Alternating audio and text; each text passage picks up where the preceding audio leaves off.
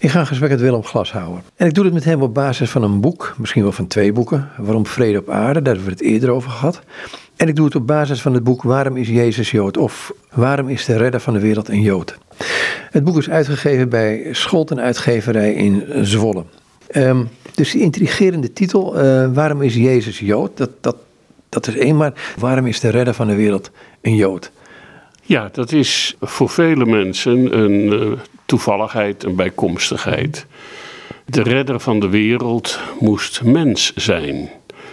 De schuld voor de zonde die de dood veroorzaakt heeft in de wereld kwam door een mens.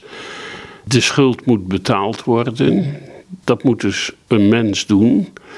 Dat kan een mens niet. Uh, in de reformatorische theologie heb je de Heidelbergse catechismus, zondag 5, zegt: Wij kunnen die schuld niet betalen. We vergroten zelfs dagelijks nog de schuld. Dus hoe kan er dan betaald worden voor die schuld die zich maar steeds verder ophoopt?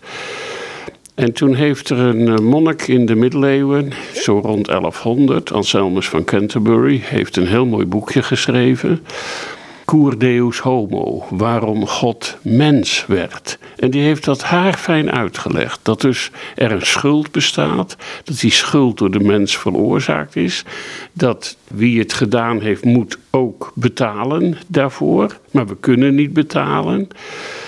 Dus hoe kan dat probleem worden opgelost? Toen heeft hij uitgelegd dat God zelf een nieuwe mens geschapen heeft in de Maagd Maria, Jezus Christus, die zodoende in de wereld kwam om twee dingen te doen. De heilige wet Gods volmaakt te houden, dat kan geen mens op aarde. En in de tweede plaats, als lam Gods, als volmaakt lam Gods, de zonden van de wereld op zich te nemen en ervoor te sterven en er op die manier voor te betalen. Dus waarom werd God mens? Dat heeft hij prachtig uitgelegd. Dat is ook de grondslag geworden voor het denken over de verzoening, zowel in de reformatorische als in de rooms-katholieke wereld, als bij de Anglikanen, als bij de Lutheranen, als bij de evangelicalen, de charismatici. En wat voor christelijke groepering dan ook, dat denken over de verzoening, daar heeft Anselmus de grondslag voor gelegd. Dus hij moest mens worden. Dat werd toen duidelijk. Maar waarom die ook Jood moest zijn, dat is voor velen een toevalligheid. Hè? Had hij niet net zo goed een Belg of een Nederlander kunnen zijn, of een Afrikaan of een Chinees? Dat zijn ook mensen. Dus als hij alleen maar mens moest worden, had het willekeurig iemand kunnen zijn van wat voor ras of, of of cultuur of wat dan ook. Nee, hij moest mens worden. Waarom moest dat? En dat vertelt de Bijbel je. Er was niet alleen de val van Adam in het paradijs, de eerste daad van opstand van de mens, die koos voor zichzelf tegen zijn schepper daarmee. Daar begon het. Maar toen is er tenslotte na eeuwen iets anders gebeurd. Toen heeft God. Volken kwamen eerst tot ontwikkeling, de nakomelingen van Adam. Dat leidde tot een goddeloze wereld die door de zondvloed is weggevaagd. Daar overleefden Noach en zijn drie zonen, Sem, Gam en Jafet. En daar zijn alle volkeren van de wereld weer van afkomstig na de zondvloed. Maar het was al heel vroeg het oude liedje. Misschien had God hoop dat wanneer hij het helemaal schoongeveegd had. en dat ze helemaal opnieuw konden beginnen met Noach en Sem. dat het dan een ander verhaal zou worden. Door ervaring rijk geworden en wijs geworden. Maar dat bleek dus niet het geval te zijn. Het ging al heel vlot dezelfde kant uit. Dat leidde tot de torenbouw van Babel. En daarmee komt het grote principe in de Bijbel aan de orde. Babylon, de stad van de mens staat in de Bijbel tegenover Jeruzalem, de stad van God. Wat heeft de Allerhoogste toen gedaan, toen hij zag dat het weer misging met die mensheid? Heeft hij de zaak toen weer helemaal schoongeveegd? Nee, hij heeft een andere weg gekozen. In die Babylon-cultuur, in een stad die heette Ur der Galdeën. Galdeën betekent Babyloniërs. Heeft hij gesproken met een hoorbare stem tot één man, Abraham. De boodschap was heel simpel. Abraham, eh, verlaat deze stad en ga naar een land dat ik je wijzen zal. En dan lees je in Genesis 12, vers 1 tot 3 dat de Heer zegt: En ik ga door jou heen en door het volk dat uit jou voortkomt, ga ik iets nieuws doen. Wat God belooft is dit: De Heer nu zei tot Abraham: Ga uit je land, uit Babylon. Laat de Babylon-cultuur achter je, uit je maagschap, uit je cultuur, ook uit je familie, uit je vaders huis. Ga naar het land dat ik je wijzen zal. En dan zal ik je tot een groot volk maken. En ik zal je zegenen. En ik zal je naam groot maken. En je zult tot een zegen zijn. Ik zal zegenen wie jou zegenen. En ik zal vervloeken die jou vervloeken zal. En met u of in u zullen alle geslachten, alle volkeren van de hele wereld gezegend worden. God kiest dus deze man. Hij zegt: Uit jou zal ik een nieuw volk maken. Anders dan alle andere volkeren in de wereld. Eh, want ik ga jou en het volk dat uit je voortkomt. Eh, ja, als een heilsinstrument gebruiken voor de hele wereld. Nou, dan komt de zaak op gang. En, maar God zegt eenvoudig: ik zal, ik zal, ik zal, ik zal, ik zal, ik zal, ik zal. Of je het nou leuk vindt of niet, Abraham, dat doet er niet toe. Of je meewerkt of niet, Abraham, doet er ook niet toe. Dit is mijn beslissing over jouw leven en over het volk dat uit jou zal voortkomen. Nou, zo gaat Abraham dan op weg. En dan komt hij na veel omzwervingen in het beloofde land. Maar om een volk te worden, heb je tenminste één zoon nodig. Anders wordt het niks, dan sterf je kinderloos en dan komt er nooit een volk op gang. En Sarah kan geen kinderen krijgen. Hij is getrouwd met Sarah, maar die kan geen kinderen krijgen. En ze wachten en ze wachten, want God had het toch beloofd. Ze zouden tot een groot volk worden. Maar het gebeurt niet. En toen dacht Abraham en ook Sarah op een gegeven moment: ja, we kunnen eigenlijk niet langer meer wachten, want we worden steeds ouder. Dus toen had Sarah een briljant plan. Toen zei ze tegen Abraham: Ik heb een beeldschone jonge vrouw in mijn huishouden. Ze is uit Egypte afkomstig. Ze heet Hagar. En misschien wil zij wel, ja, zeg maar, draagmoeder worden. Als jij dan hè, met haar goedvinden tot haar komt en de Heere zegent dat en ze wordt zwanger en het blijkt ook nog een keer een jongetje te zijn, ja, dan is dat jouw zoon, uh, Abraham, ons kind, want zij heeft alleen maar even gefungeerd als draagmoeder om die baby ter wereld te brengen. Nou, geweldig plan. Hagar wordt zwanger, het blijkt een zoon te zijn en ze noemen hem Ismaël. En hij is de voorvader geworden van de Arabieren. Maar voor hun is het probleem opgelost. En dan even verderop in Genesis 17, vers 17, lees je dat God opnieuw verschijnt bij Abraham. En zegt tegen Abraham: Abraham, volgend jaar krijgt je vrouw Sarah een kind, een zoon. Abraham gelooft zijn oren niet. Je leest daar dat hij zijn hoofd naar beneden doet en begint te lachen. Hij lacht bij, bij zichzelf. Hij zegt bij zichzelf: Zal aan een honderdjarige een kind geboren worden? Zal Sarah op de leeftijd van 90 jaar een kind krijgen? Is onmogelijk. En dan doet hij zijn hoofd weer omhoog en dan zegt hij: Heren, dat kan niet alleen niet. Ik ben 100 en mijn vrouw is 90. Maar het hoeft ook niet, want we hebben een zoon. Weet u dat niet? Dat is Ismaël. Abraham lachte en Sarah lachte. En een jaar later werd Isaac geboren. De Allerhoogste, als je de Hebreeënbrief leest, spreekt dat ze al verstorven waren, zoals het schiep uit deze twee verstorven mensen dit kind, Isaac. Dus het begin van dit nieuwe volk is een miracle baby, zoals ze in het Engels zeggen. Een door God geschapen kind. De geschiedenis ging verder. Die zoon Isaac, God zegt, ik zal met hem het eeuwig verbond sluiten, zoals met jou, Abraham. De volgende in de rij is Jacob. Hij zegt, ik zal met Jacob datzelfde verbond. En dan komen de twaalf zonen van Jacob. En dat wordt vervolgens Israël.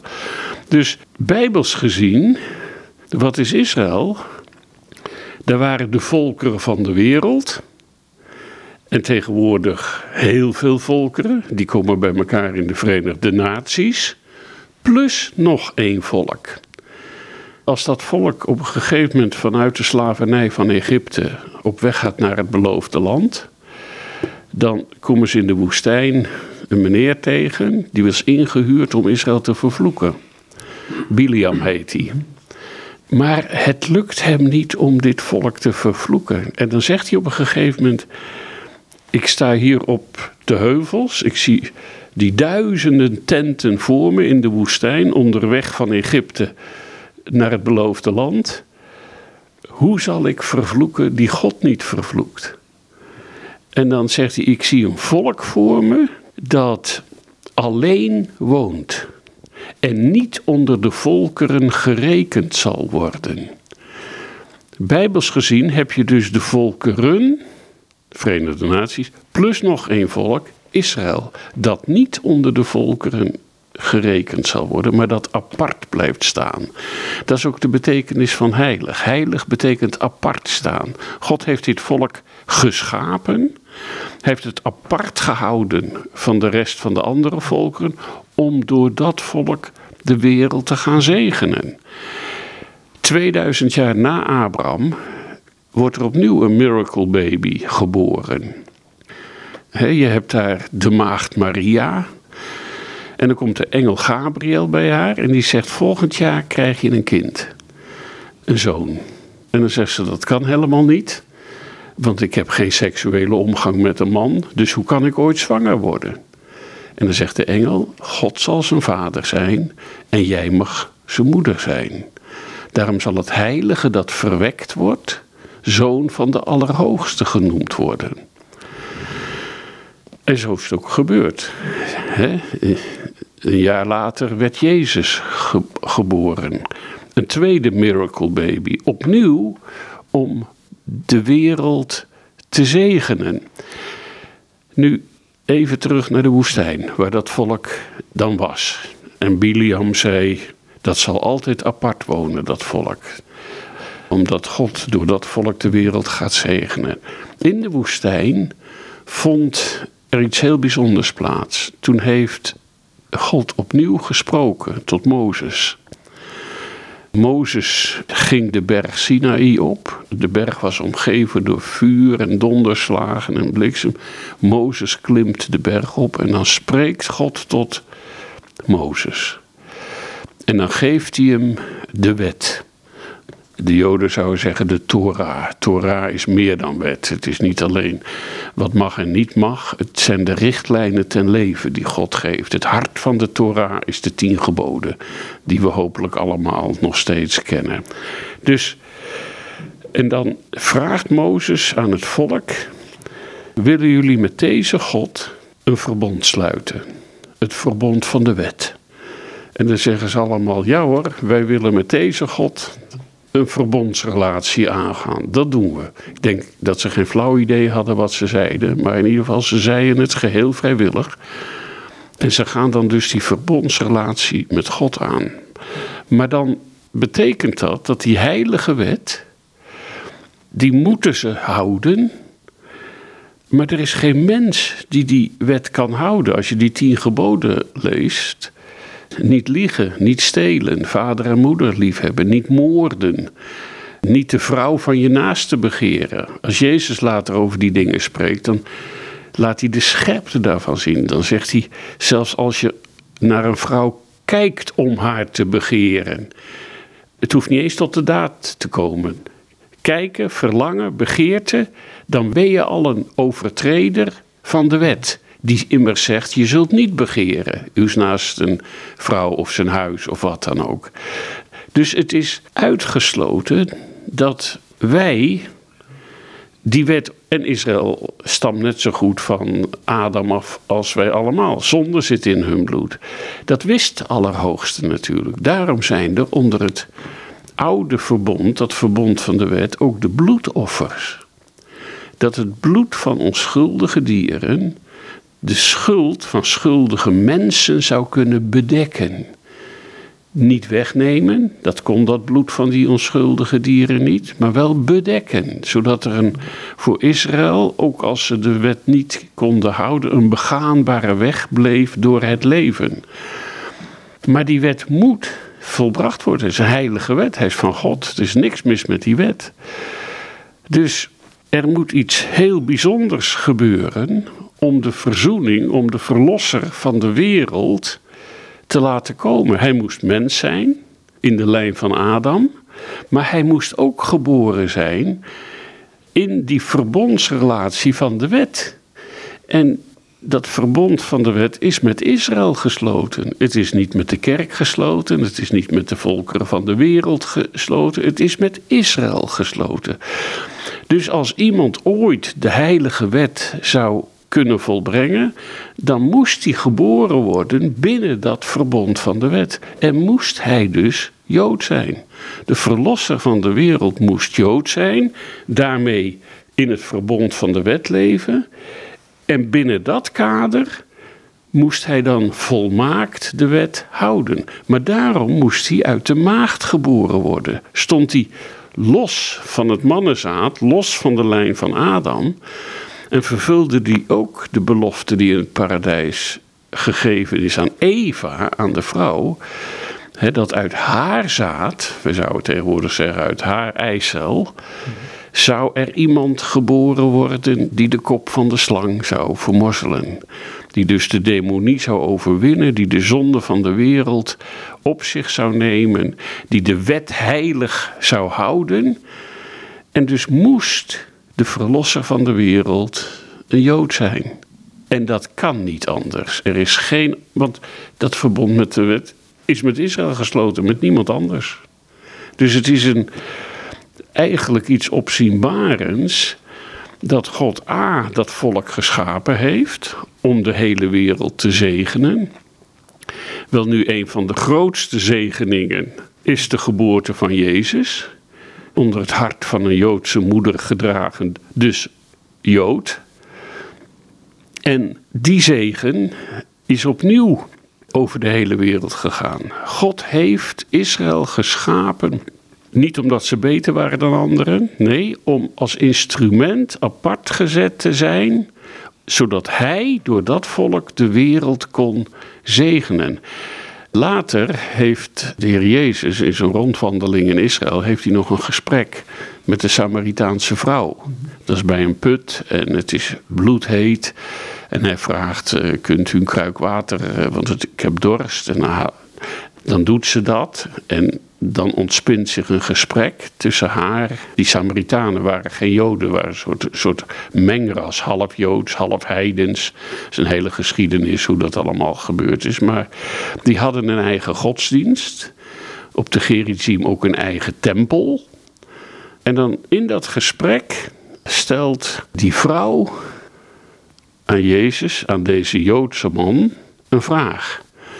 Dan zegt ze: Wij Samaritanen aanbidden God eh, in de tempel hier op de Gerizim. Ze hadden ook zelf een soort vijf boeken van Mozes. Die lijken wel heel veel op de eerste vijf boeken van de Bijbel. Wel allerlei afwijkingen, maar goed. Wij aanbidden God. En dit is onze Bijbel. En dit zijn de offers die wij brengen in de tempel op de Gerizim, bij Samaritanen. Maar jullie, Joden, hebben een tempel in Jeruzalem. Ze begint dus een theologische discussie. Wat is nou het ware? Je zou kunnen zeggen, wat is de ware godsdienst? Of wat is de ware kerk? hebben wij het hier bij het rechte eind? Of hebben jullie Joden het daar bij het rechte eind? Jezus gaat daar nauwelijks op in. Want het is hem in dat gesprek om iets anders. Hij weet haar ja, liederlijke leven. Vele mannen gehad die ze op dat moment heeft, is ook gewoon de man niet. Ze wordt gaat daarom denk ik ook midden op de dag water halen. Want als de andere vrouwen, nou dan krijgt ze hem uitgemeten natuurlijk. Dus ze gaat op het heetst van de dag haar water halen. Dan zijn die anderen er tenminste niet. Dus Jezus' bedoeling is om door te dringen tot het hart van die vrouw. Om haar leven open te breken. Haar te laten zien waar het mis zit. Om haar te redden. Om haar te zegenen om haar de weg te schenken, zodat ze tot een verlost leven kan komen. Maar hij geeft toch heel kort even antwoord op die vraag. Wat is de ware godsdienst, welke tempel enzovoort. Dan zegt hij een hele diepzinnige opmerking die we eigenlijk ons allemaal kunnen uh, aantrekken. En die eigenlijk alle godsdiensten van de wereld uh, zich aan kunnen trekken. Je vindt die geschiedenis dus in Johannes 4. En dan lees je in vers 22. Gij aanbidt wat gij niet weet. Wij aanbidden wat wij weten. Want het heil is uit de Joden. Hij zegt: Jullie Samaritanen, je doet echt je best. Er is niks mis mee. Je hebt je tempel, je hebt je heilige boeken. Nou ja, je kan het eigenlijk op iedere godsdienst laten slaan, zelfs op het christendom in grote delen. Jullie doen ontzettend je best. Je hebt allemaal je heilige boeken, je hebt allemaal je verplichtingen. Bidden, geld geven aan de armen, op zondag naar de kerk gaan of. Eh, vasten houden, of de, de salaat, of de vijf uh, pilaren van de islam, of de hindoes, of de boeddhisten, of de Confucius. Je doet allemaal ontzettend je best, zelfs de animisten, die uit de schepping kunnen bevroeden dat er wel een schepper zal zijn. En die in hun geweten kunnen merken wat die onzichtbare schepper van ze verlangt. Want als ze het goede doen, dan hebben ze vrede in hun hart. En doen ze dat niet, dan ontstaat er onrust. Dus iedereen doet geweldig zijn best naar de mogelijkheden die hij heeft. Maar, zegt hij, jullie aanbidden wat je niet weet, niet echt weet, niet echt kent niet echt kent in de Bijbelse zin van het woord. daar betekent dat woord kennen. Dat is niet alleen zo verstandelijke kennis, dat is ook je hart. Dat is vooral je hart. Dat wordt soms in oude vertaling met bekennen. als dan in Genesis staat dat Adam bekende zijn vrouw, betekent hij had gemeenschap met haar op alle niveaus. Wij aanbidden wat wij weten. Wij Joden kennen God in een hele diepe manier, zoals geen enkel volk of geen enkele godsdienst op de wereld dat heeft. Want Hij is onze Vader. Hij heeft ons geschapen. Abraham 100 jaar, Sarah 90 jaar. Onze Vader, wij kennen Hem. Waarom? Want het heil is uit de Joden. Hij heeft ons geschapen, heeft onze hemelse vader, heeft tot ons gesproken. de Bijbel, Oude en Nieuwe Testament, door Joden geschreven. Wij kennen hem, want het heil is uit de Joden. je kunt eigenlijk zeggen dat het heil was uit de Joden. Het heil is uit de Joden en het heil zal uit de Joden zijn. Het was uit de Joden als je ziet hoe dat volk, toen ze onderweg waren van Egypte naar het beloofde land, en God dus die gesprekken met Mozes voerde en de wet, niet alleen de tien geboden, maar de hele Torah, de vijf boeken van Mozes, aan hem onderwees, daar zitten allerlei wetten in die het volk eh, van groot nut zouden kunnen zijn. Ook op het gebied van medische kennis ook op het gebied van sociale kennis. Nou ja, van alles en nog wat. Mozes was weliswaar grootgebracht. Hij was geadopteerd door de farao, de koning van Egypte. Hij had dus een geweldige opvoeding. Je leest in de Bijbel dat hij onderwezen was in de wijsheid der Egyptenaren.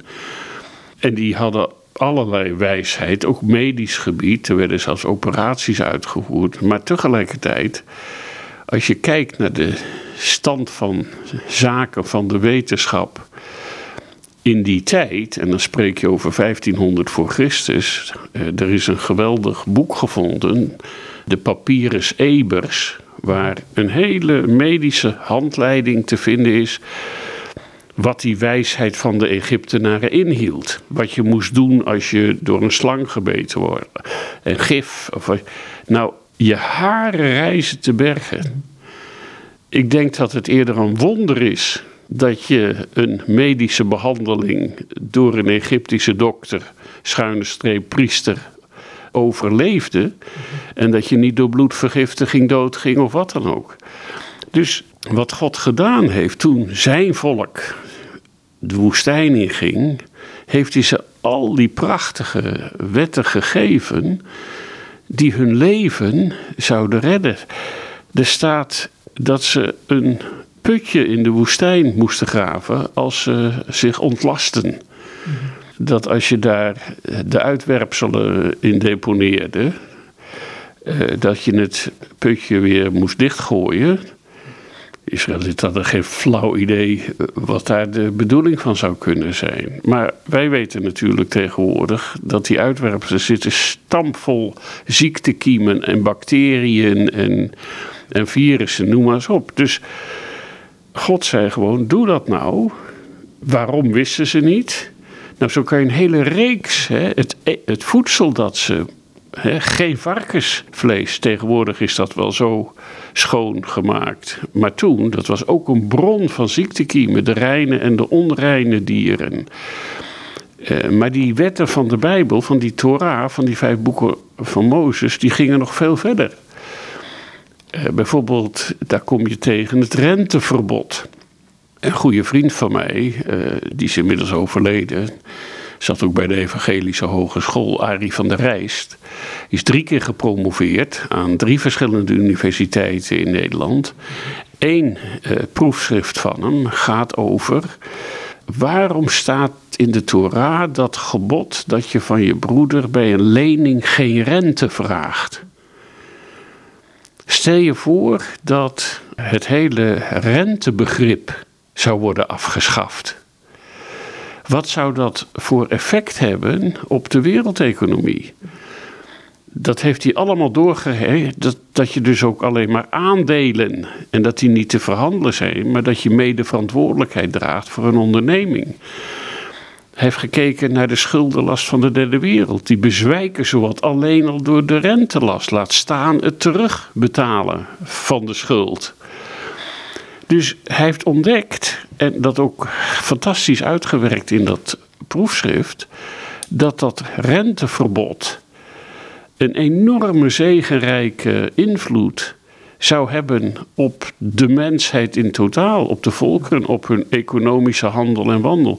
Niet dat hij de illusie had dat men daar nu toe zou overgaan, maar het was hem er vooral om begonnen dat die wijsheid van de Torah de zegen die van dat woord van God uitgaat, dat dat heel praktisch is.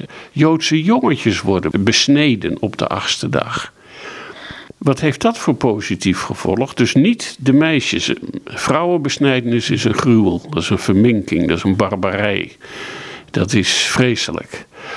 Voor de jongetjes, de Joodse jongetjes op de achtste dag, precies op die achtste dag, ja, hoe kon hij dat weten? Vindt er nauwelijks bloeding plaats. Je kunt een stukje van de voorhuid uh, afsnijden. En dan vindt de besnijdenis plaats. Vloeit er een druppeltje bloed. Geeft ook weer dat de basis van de verhouding tussen God en zijn volk toch bloed moet zijn. Uh, want dat is het leven. Maar wat heeft dat tot gevolg? Uh, baarmoederhalskanker komt onder Joodse vrouwen eigenlijk niet voor. Omdat dat stukje van de voorhuid is. Dus er kan zich geen, geen vuil en ziektekiemen en bacteriën onder die voorhuid van een Joodse man ophopen, want die is er niet. Dus baarmoederhalskanker komt eigenlijk eh, nauwelijks voor. En peniskanker ook veel minder. Nou, zo kun je een hele. God had gezegd in de Torah tegen Mozes: je mag geen lijk aanraken. Nou, dat is precies hetzelfde als met de uitwerpselen, met de ontlasting. Een dood lichaam is binnen de kortste keren zit het stampvol met ziektekiemen. Hij had gezegd: je moet je, je handen wassen, je moet je kleren wassen, je moet um, je vork, je mes, het hele eetgerei moet je wassen. Ja, waarom? Opnieuw, niemand wist van bacteriën. Israël heeft dat gehoorzaam, trouw door de eeuwen heen gedaan. Wassen, kleren, handen, mes, vork, bord. In de middeleeuwen hadden we de pest, de zwarte dood. En stierven de mensen als ratten. Ik geloof dat in die, in die middeleeuwen meer dan een kwart tot een derde van de hele bevolking van Europa is uitgeroeid door de zwarte dood, de pest. Maar de Joden kregen het niet. Met als gevolg dat de christenheid van die dagen zei: hoe kan dat? Wij vrome christenen sterven als ratten en die vermaledijde Joden, die niet eens in Jezus geloven, die krijgen het niet. Nou, die zullen wel een verbond met de duivel uh, gesloten hebben. Nou, en toen dat één keer zo, hè, en die flagellanten die, die door de landen gingen. Nou ja, toen ging het los op de Joden en werden ze met bosjes vermoord. In de 19e eeuw had je wat dan genoemd werd de kraamvrouwenkoorts. Daar stierven heel veel vrouwen in het kraambed. Die, die gingen in een ziekenhuis bevallen, of wat er dan in die tijd doorging voor een hospitaal. En dan werden ze ziek, kregen hoge koorts en dan stierven ze. Hoe ging dat? Nou, daar waren de dokters en anderen die de bevalling deden, hadden instrumenten waar ze net mee geopereerd hadden. Niemand had ooit van virussen of bacteriën gehoord. Dus met datzelfde instrumentarium waar ze net mee allerlei eh, vreselijke mensen die een vreselijke ziekte hadden geopereerd. Dus die Semmelweis, die heeft op een gegeven moment, want hij wist het net zo min als een ander, maar hij ontdekte dat als je je handen waste en als je de instrumenten waste voordat je met die bevalling de keizersnee of eh, hoe dan de bevalling ook maar plaats zou vinden, dat er bijna niemand overleed. En toen heeft hij daar een mooi artikel over geschreven in een medisch tijdschrift van die tijd. Nou, hij werd weggehoond, hij werd uitgelachen. Wij dokters, onze handen en onze instrumenten, die redden levens, die veroorzaken geen dodelijke ziekte. Ja, zegt hij, ik, ik, ik zie het toch, ik merk het. Uiteindelijk is hij gewoon in een psychiatrische inrichting gestorven. Hij wist dat hij gelijk had, maar ik kon niet zeggen waarom. Niet veel langer daarna heeft Louis Pasteur ontdekt de ziektekiemen, de bacteriën, de bacillen, de virussen later.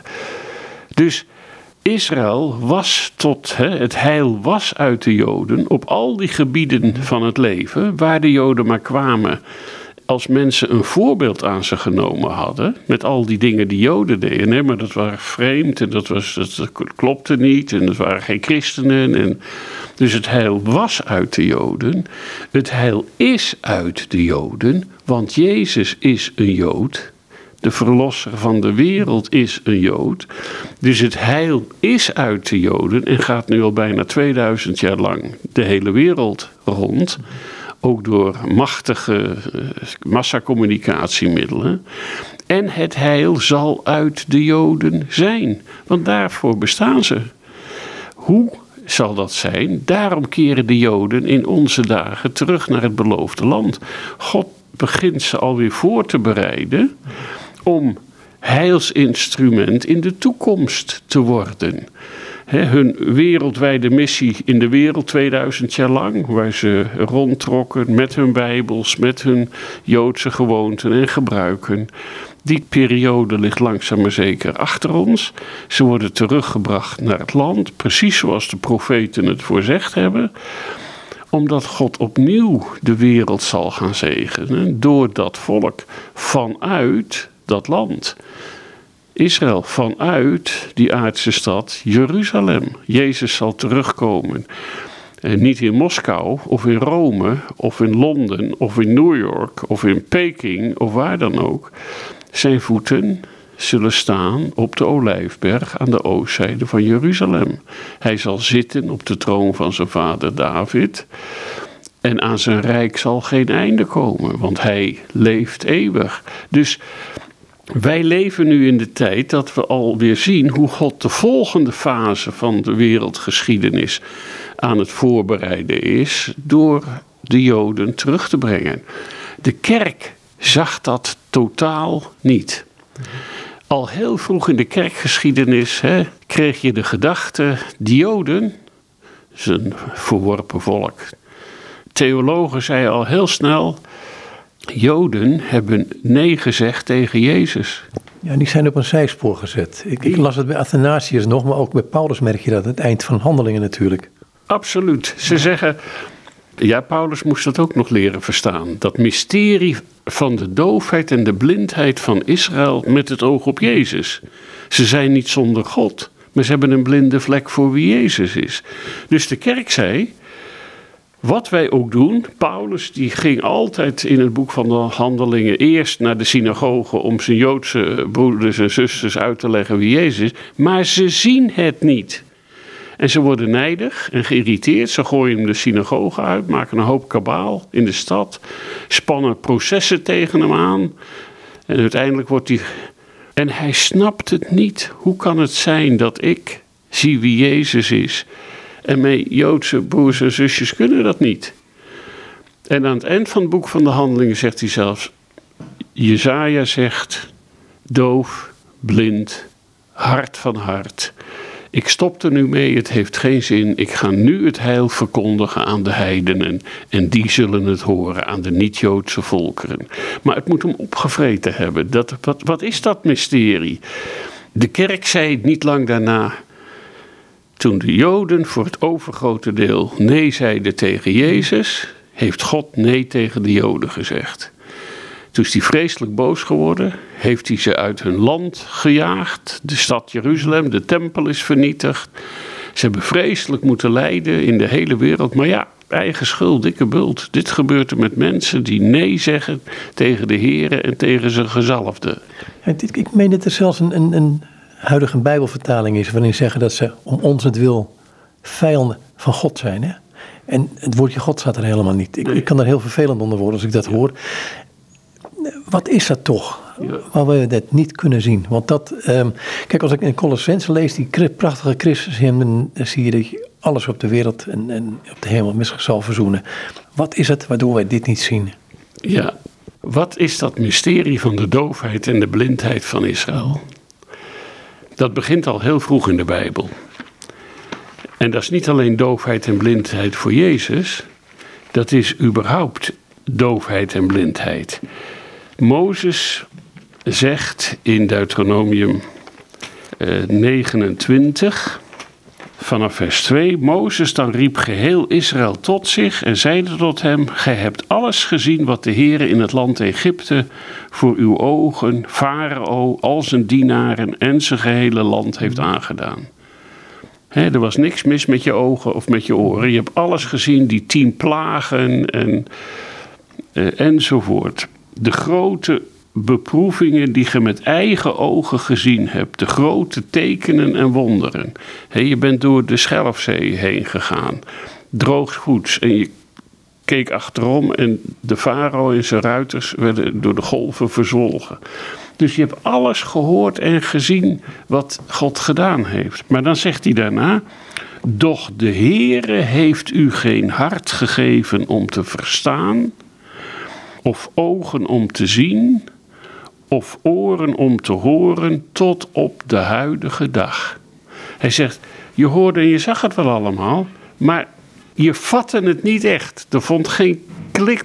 Het gebeurde zelfs vanwege jullie. En toch zag je het niet echt. En waarom? Hij verwijt ze dat niet, hij constateert.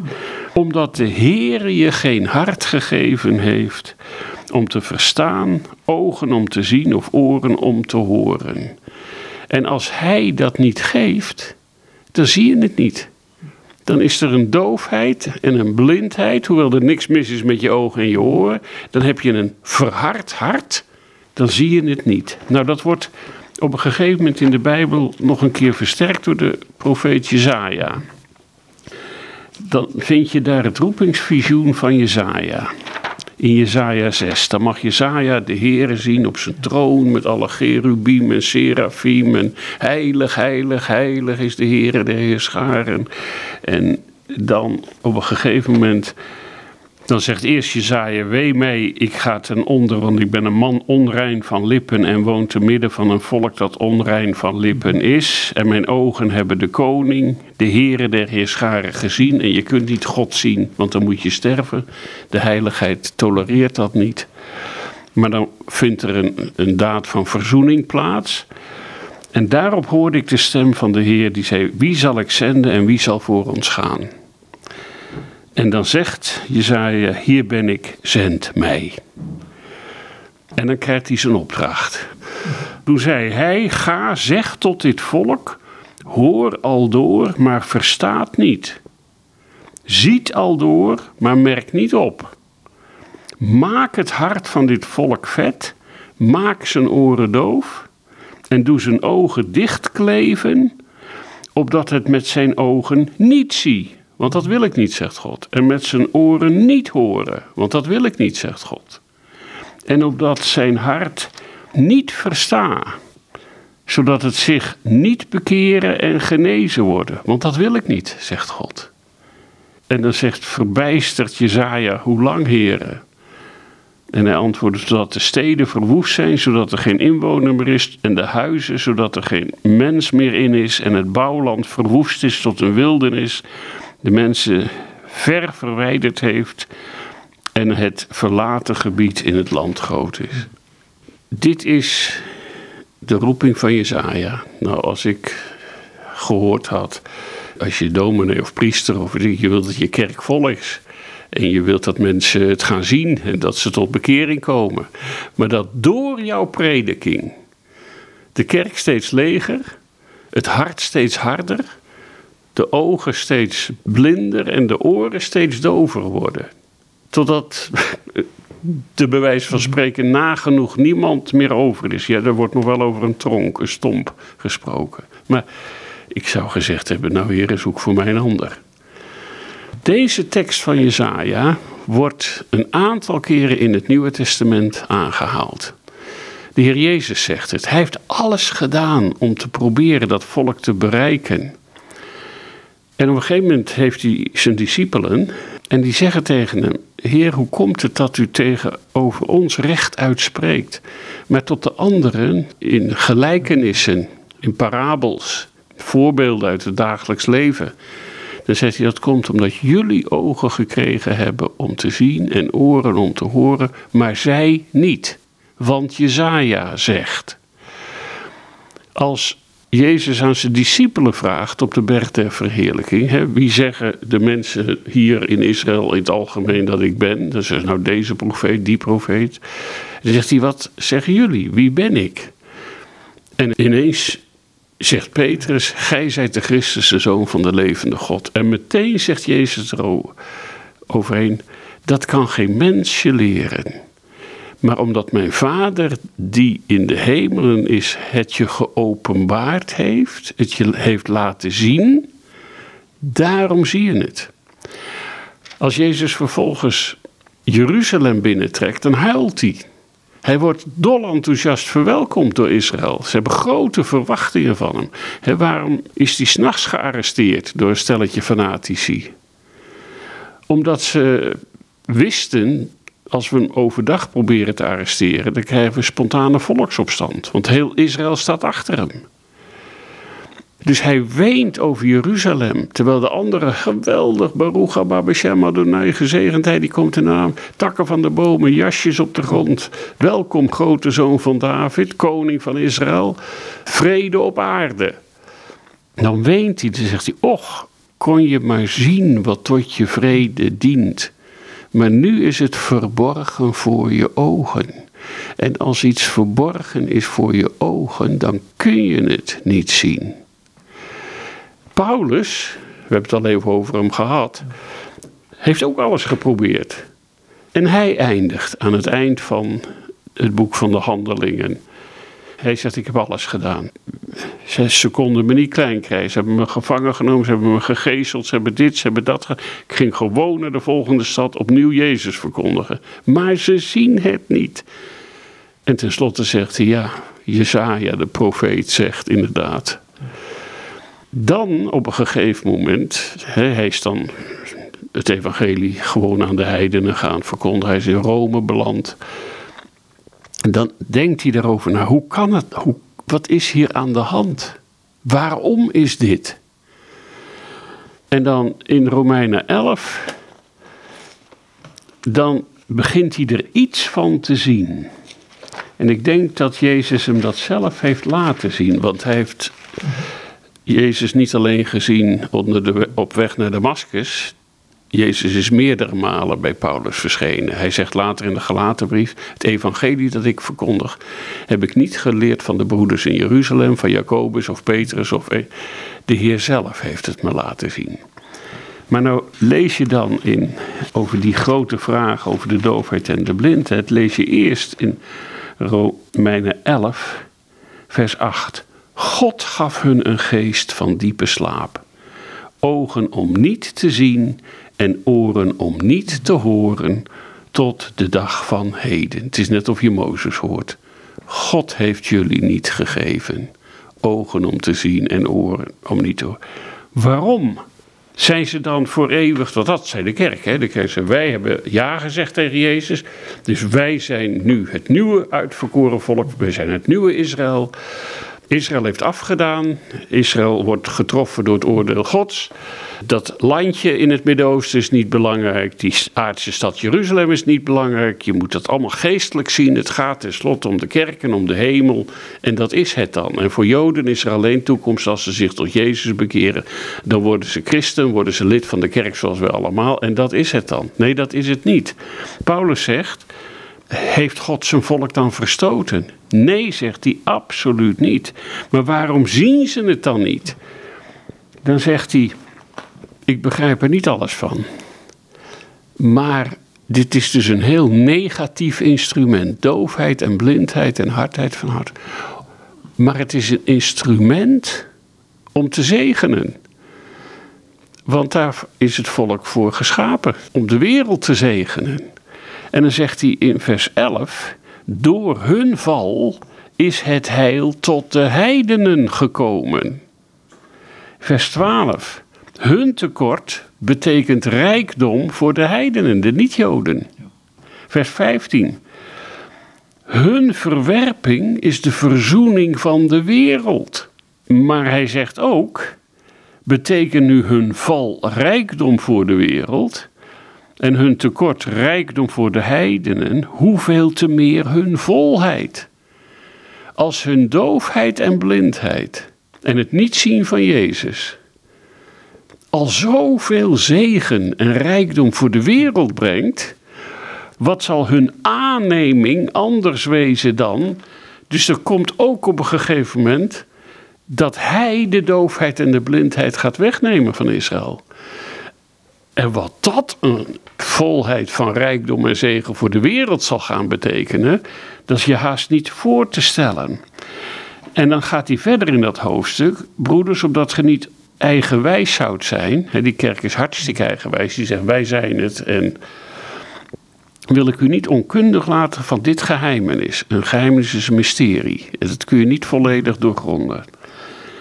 Een gedeeltelijke verharding is over Israël gekomen. Waarom gedeeltelijk?